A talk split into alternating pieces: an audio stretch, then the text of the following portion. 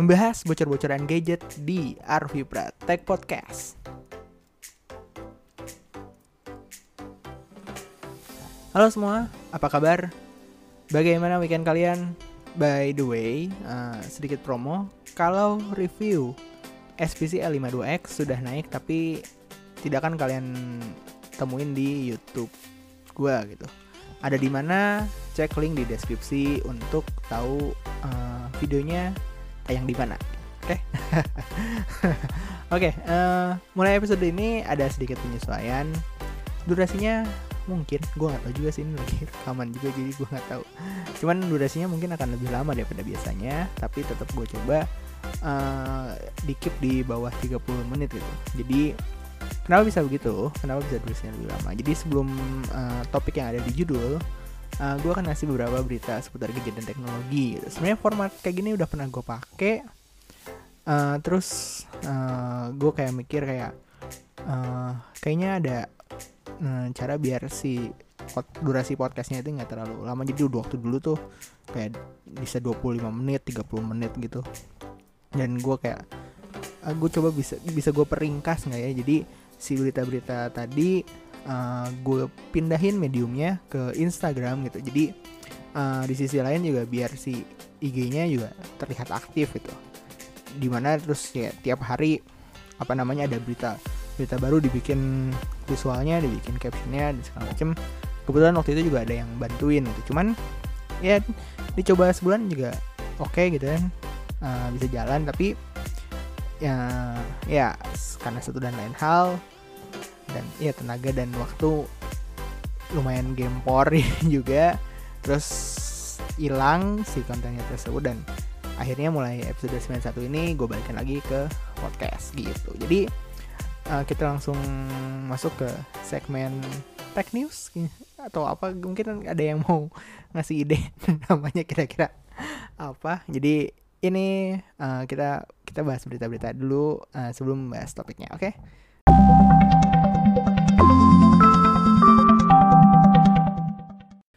Berita yang pertama ini dari Realme yang akan meresmikan diri serta dua produknya di Indonesia hari ini. Realme ini semacam sub-brand dari Oppo di mana Oppo fokus pada penjualan offline sedangkan Realme meraih pasar online. Smartphone yang akan dirilis adalah Realme 2 dan Realme 2 Pro. Spesifikasi lengkapnya seharusnya tidak berbeda jauh dari versi India yang sudah diluncurkan akhir September lalu. Mengenai harga dan marketplace pembeliannya, bisa cek sosial media tech influencer seperti Sobat HP, Gadgetin, Gadget Gaul, dan lainnya karena gua nggak datang ke event launchingnya. Selanjutnya datang dari Google. Google Pixel 3 XL yang harusnya diperkenalkan nanti malam sudah bisa dibeli di toko Wah Phone Digital Hong Kong dengan harga US 2000 US dollar sejak hari Sabtu kemarin. Kontributor dari Engadget membelinya dan sudah melakukan hands-on pada device tersebut. Kejadian ini membuat gue bertanya-tanya, kok tumben sih Google begini amat terkait device-nya? Karena sebelum-sebelumnya belum pernah ada kejadian seperti ini. Saat Pixel 2 memang ada beberapa leak terkait bentuk dan nama yang menjadi Ultra Pixel, namun itu sudah diakui fanmade dan terkait bentuk, spesifikasi lengkap dan harga baru diketahui pada saat event launchingnya. Sedangkan untuk Pixel 3 sendiri, bentuk leaknya sudah dari beberapa bulan lalu. Dan dengan hands-on Pixel 3 XL ini dari Engadget berarti sudah confirm bahwa notch-nya tebel banget. Terakhir dari Apple, diberitakan oleh The Verge bahwa Apple menggunakan software khusus agar MacBook Pro dan iMac Pro hanya bisa diperbaiki di service center resmi Apple. Dari dokumen yang ditemukan oleh Mac Rumors dan Motherboard, tanpa software khusus, tempat servis pihak ketiga tidak akan bisa copot pasang layar, logic board, keyboard, trackpad, dan touch, touch ID di MacBook Pro. Sedangkan untuk iMac, itu terjadi pada saat mengganti logic board atau mengganti flash storage. Perangkat ini memerlukan Apple Service Toolkit 2 yang hanya tersedia di Authorized Service Center. Untuk Indonesia sendiri, karena sampai saat ini belum didirikan authorized service center, yang ada itu authorized reseller seperti iBox, cukup menyulitkan beberapa pihak, dari customer sampai pemilik usaha service center yang fokus untuk Apple devices.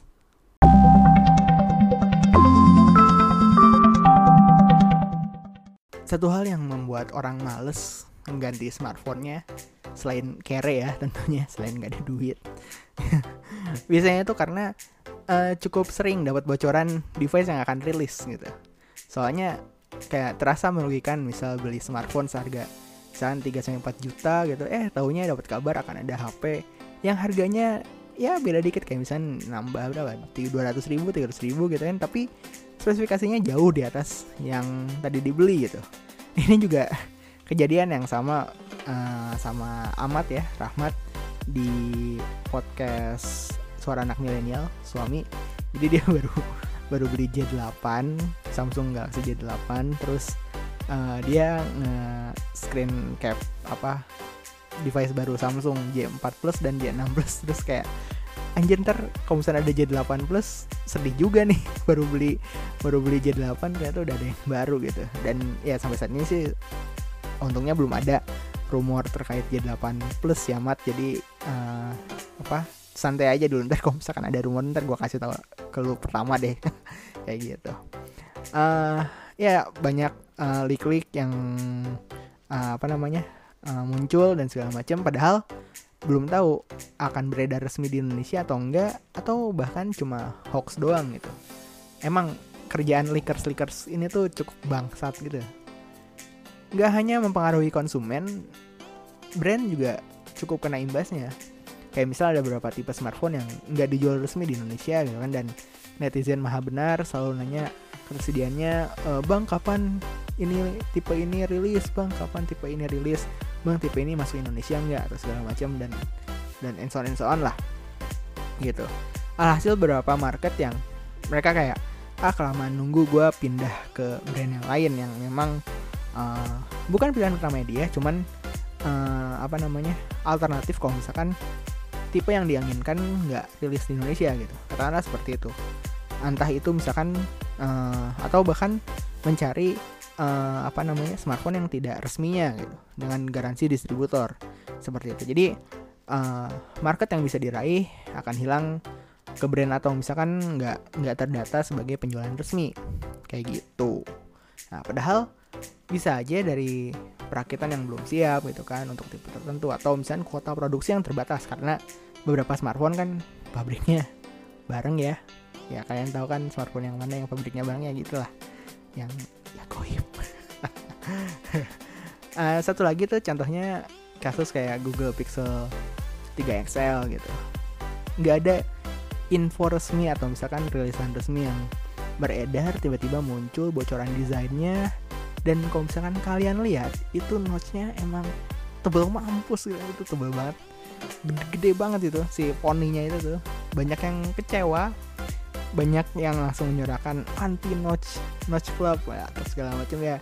Pokoknya kalangan anti notch garis keras itu ngomel-ngomel terkait notch di Google Pixel 3 XL gitu. Tapi kadang-kadang ya bocoran-bocoran ini bisa jadi senjata marketing juga gitu. Apalagi uh, dibocorkan atau enggak tidak sengaja dalam tanda kutip dibocorkan mendekati perilisan itu. Kayak misalkan contohnya CEO Samsung di Jeko. Ini uh, dari lahir dia sudah ini ya menghibur banyak orang di Jeko. Yang tertangkap sedang menggunakan Galaxy Note 9 pada saat acara apa gitu gue lupa atau uh, Mi Band 3 yang dipakai oleh CEO Xiaomi Lei pada saat peresmian Black Shark. Jadi memang ini uh, kadang-kadang juga apa namanya reporter-reporter yang itu selain nangkep foto produknya gitu kan kadang-kadang ngambil foto si CEO-nya atau orang-orang pentingnya gitu siapa tahu dia udah duluan pakai device yang belum belum hadir belum hadir apa diresmikan gitu. Jadi cukup untuk apa namanya membuat hype dan segala macamnya lah. Jadi uh, dan itu pun ngebantu untuk apa namanya jadi bahan omongan gitu kan. Iya seenggaknya yang yang seneng yang emang doyan ngikutin berita-berita beginian jadi oh ternyata ini ada Galaxy Note 9 ternyata fingerprint sensornya sudah kembali normal ah, alhamdulillah ya, kayak gitulah. Nah terkait bocoran-bocoran yang muncul ya, gue sendiri cukup pernah kena imbasnya sih.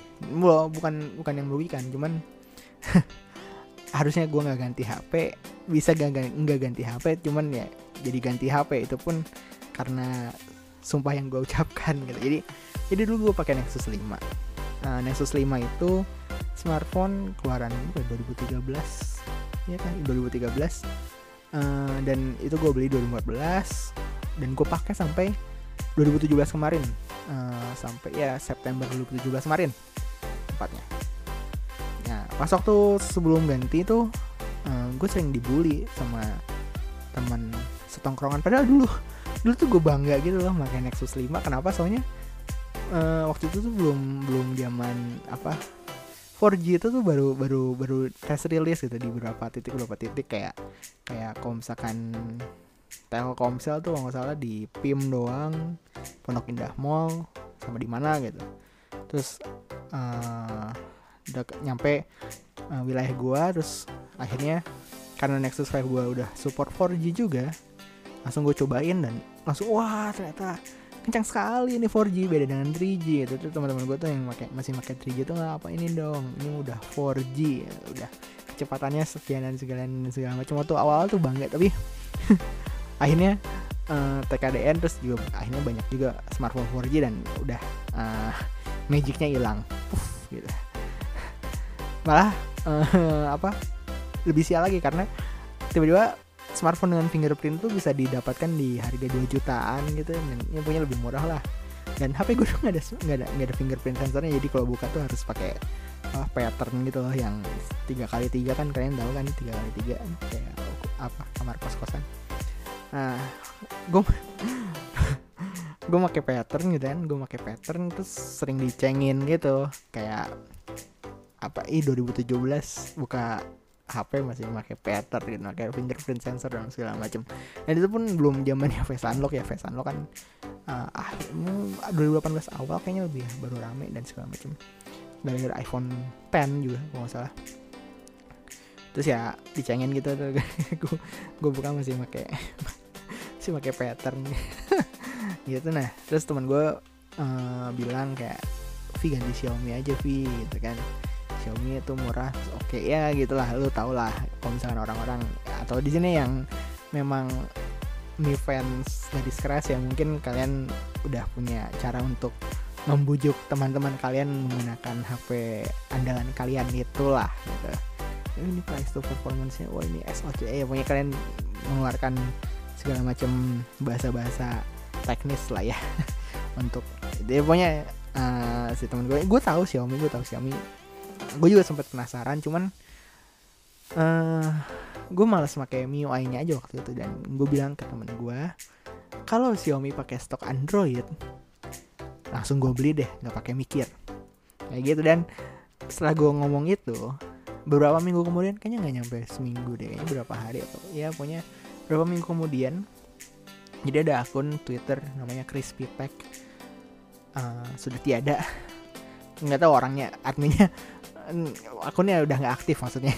Gitu ngasih info kok uh, akan ada Xiaomi yang bekerja sama dengan Google untuk program Android One. Yang gue tahu pas waktu itu Android One uh, memang dikhususkan untuk smartphone murah tapi dikasih stok Android dan di situ kayak wah uh, Xiaomi tumen-tumenan banget nih kerjasama buat bikin Android One. Biasanya dia uh, apa overpriced dengan MIUI-nya itu gitu. Tumben-tumbenan nih. Nah, terus gue kayak ah, anjir nih.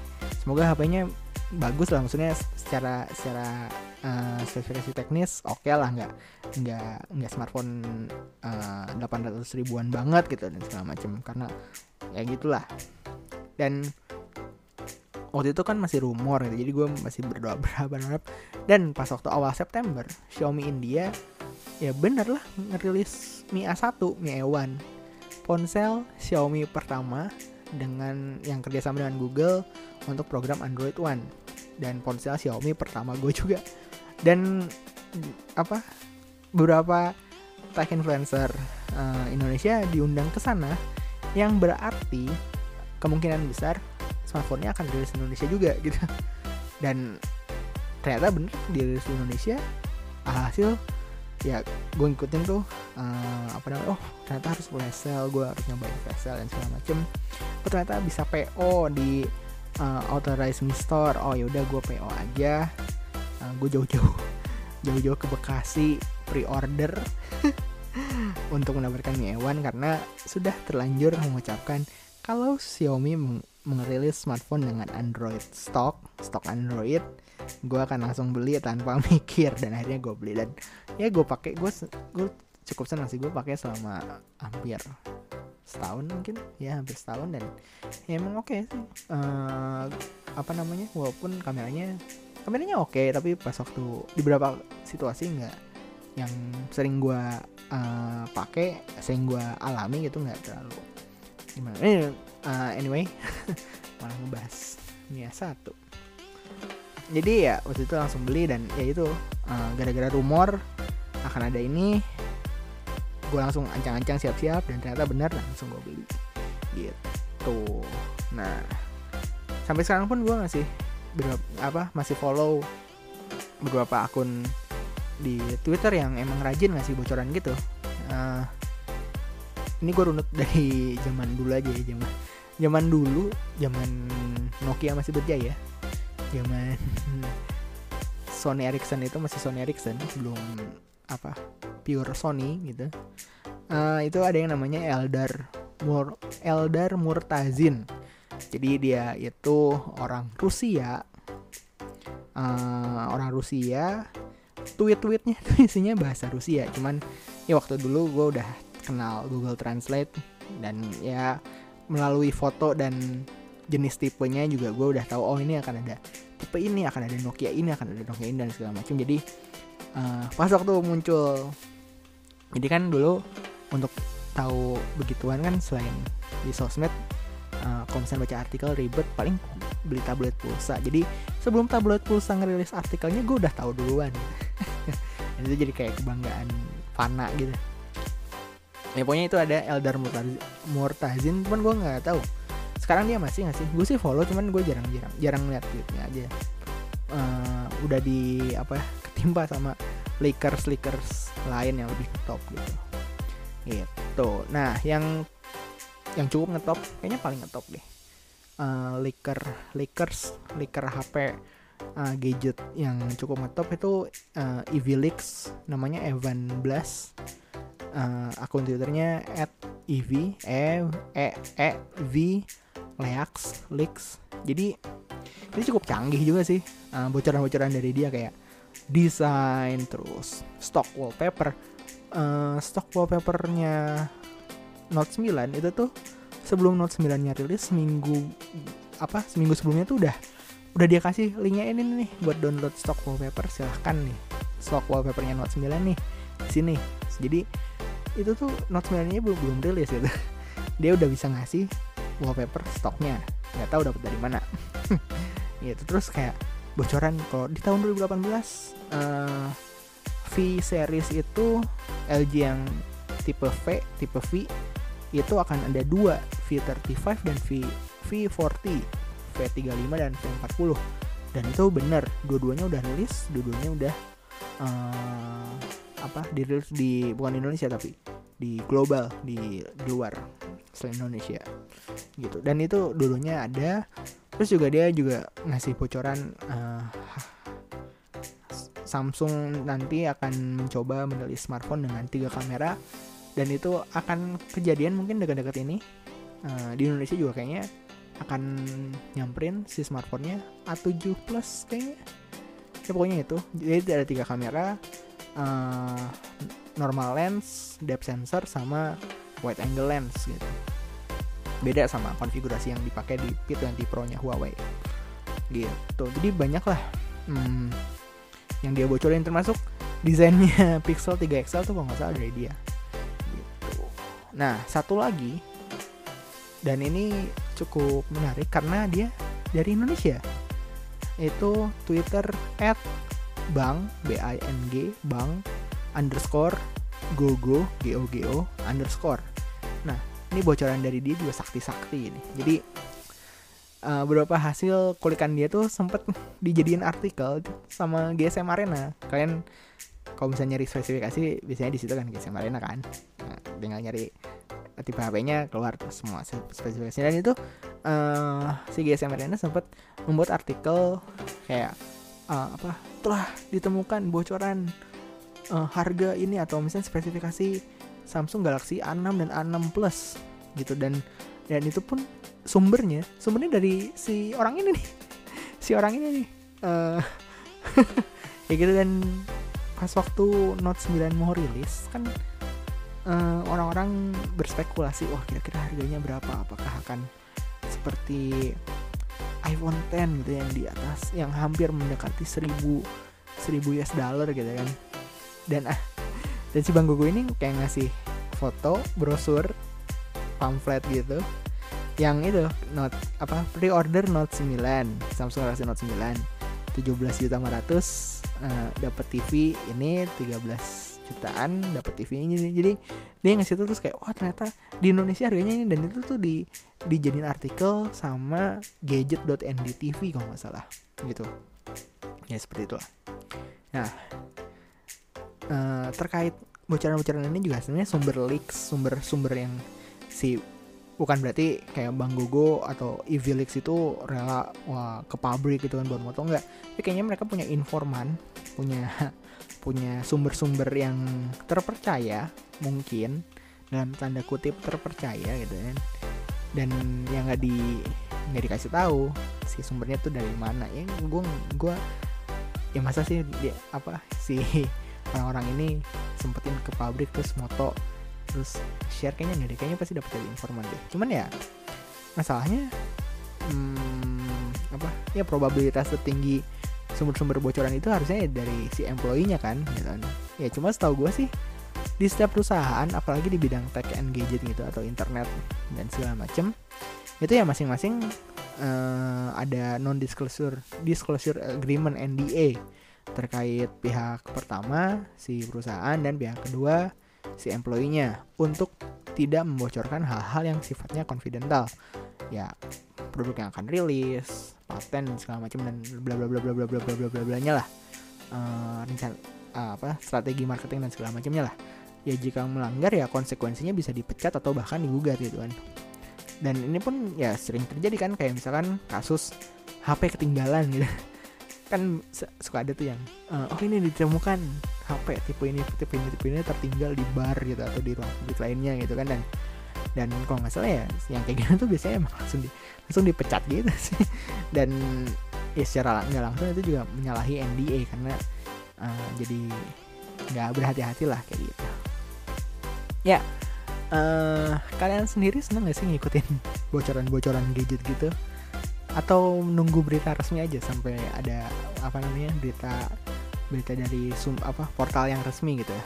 Sumber yang sumber yang kredibel atau sumber yang emang official dari si brandnya gitu.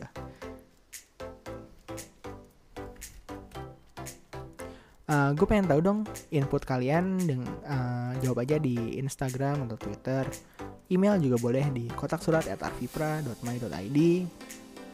kritik saran cacian dan makian juga gue harapkan melalui kanal tadi. Oke, okay, uh, eh, itu tadi untuk uh, episode minggu ini. Aduh, sorry. Episode minggu ini ya. Uh, Arti Pratek Podcast membahas info dan isu gadget teknologi tersedia di Spotify, Apple Podcast, SoundCloud, Google Podcast, Castbox, dan Kurio. Kita ketemu lagi minggu depan. Bye.